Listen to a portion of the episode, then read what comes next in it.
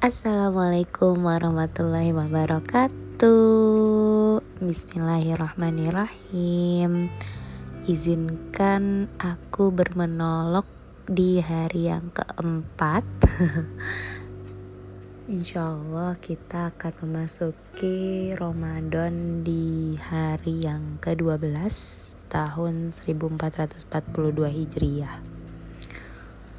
Hmm, enaknya monolog tentang apa ya malam ini?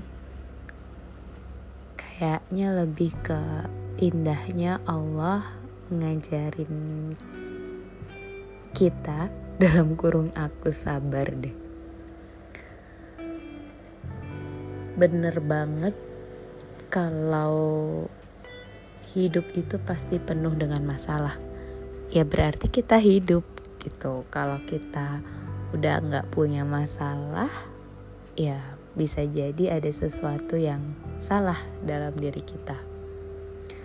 Karena ya kita dewasa karena masalah itu sendiri kan sebenarnya. Nah masalah ini berbeda tiap orang. Allah ngasih ujian ke hamba-hambanya itu tergantung level dari hambanya sesuai kesanggupan dari masing-masing individu.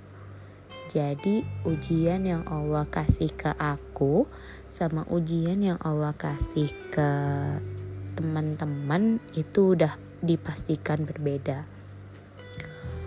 Dan biasanya ujian itu hmm, identik sama apa yang kita senangi, apa yang kita inginkan, apa yang kita usahakan.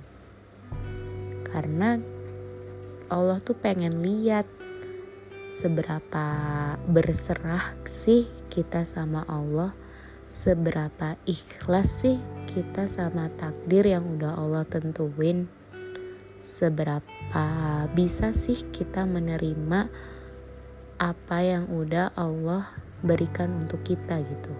Seberapa besar usaha yang kita lakukan tanpa melibatkan selain Allah.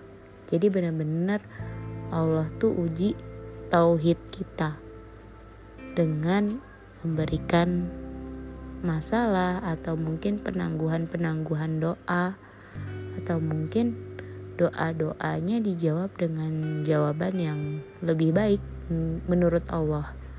Tapi kita biasanya baru bisa nerima tuh kayak beberapa bulan, beberapa hari gitu baru paham tuh hikmah apa sih Allah tuh lagi ngasih tahu tentang apa sih tuh nggak langsung gitu.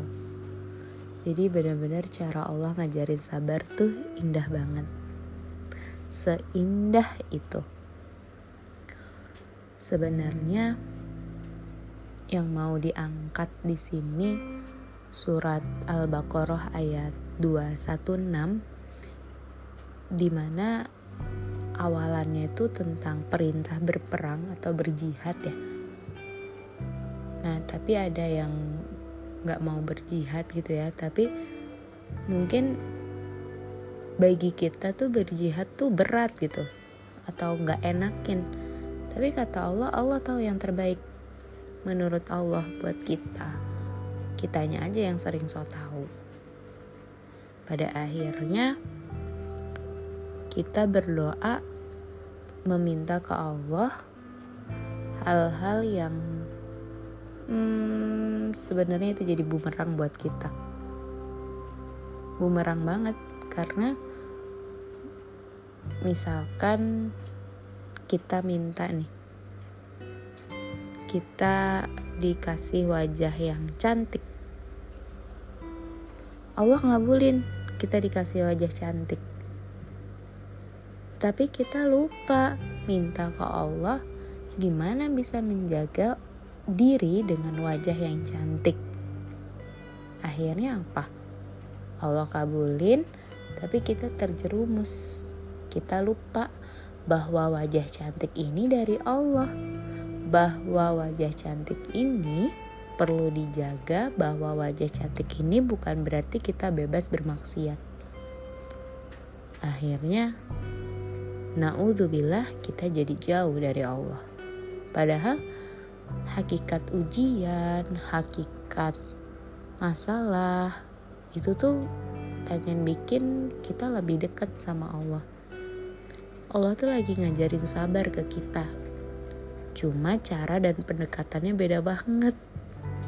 Setiap individu tuh pasti beda. Nggak bisa disamain. Betapa romantisnya Allah.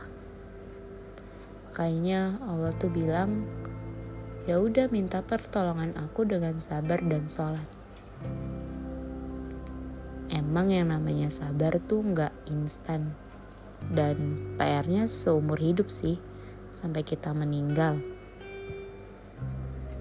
Hmm, Allah sendiri ngajarin aku sabar menurut aku dengan cara apa yang aku inginkan, apa yang aku doakan masih ditangguhkan.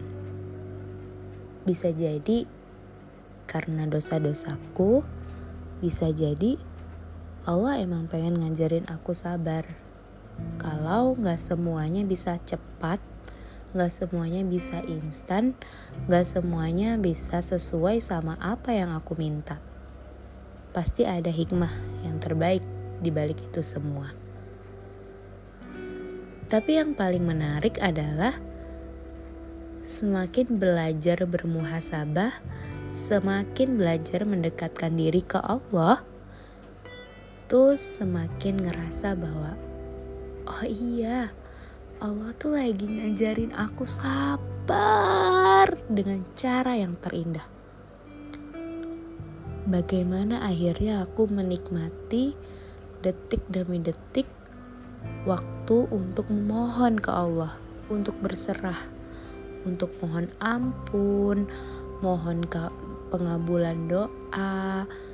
Pokoknya segala sesuatu ketika aku merasa down, pasti biiznilah atas pertolongan Allah aku sholat. Di situ aku merasa bahwa emang sabar tuh butuh diperjuangkan. Gak bisa kita langsung jadi manusia yang sabar tuh gak bisa. Apalagi kita merasa bahwa kita udah sabar, itu kayaknya perlu dicek lagi deh. Karena semuanya itu pasti atas kendali dan pertolongan dari Allah. Kalau Allah nggak nolong kita ya kita nggak bisa tuh sabar kita nggak bisa tuh minta pertolongan dengan sholat. Mungkin kita juga nggak kenal sama sholat kalau Allah nggak nolong kita. Makanya yang sering diminta itu kan minta pertolongan Allah ya. Ya Hayyu ya Qayyum bi rahmatika astaghith wa aslih li sya'ni kullahu wa la takilni ila nafsi tarfata ainin abada.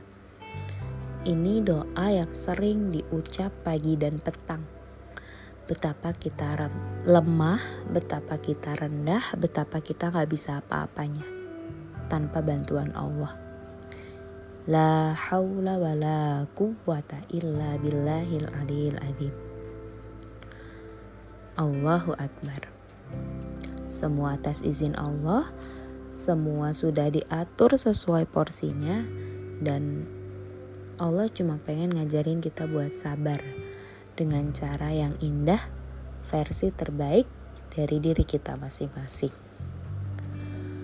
Barakallahu fikum, mohon maaf atas segala kesalahan. Subhana kallahumma wa bihamdika asyhadu an la ilaha illa anta astaghfiruka wa atubu ilaik. Allahu alam bisawab. Wassalamualaikum warahmatullahi wabarakatuh.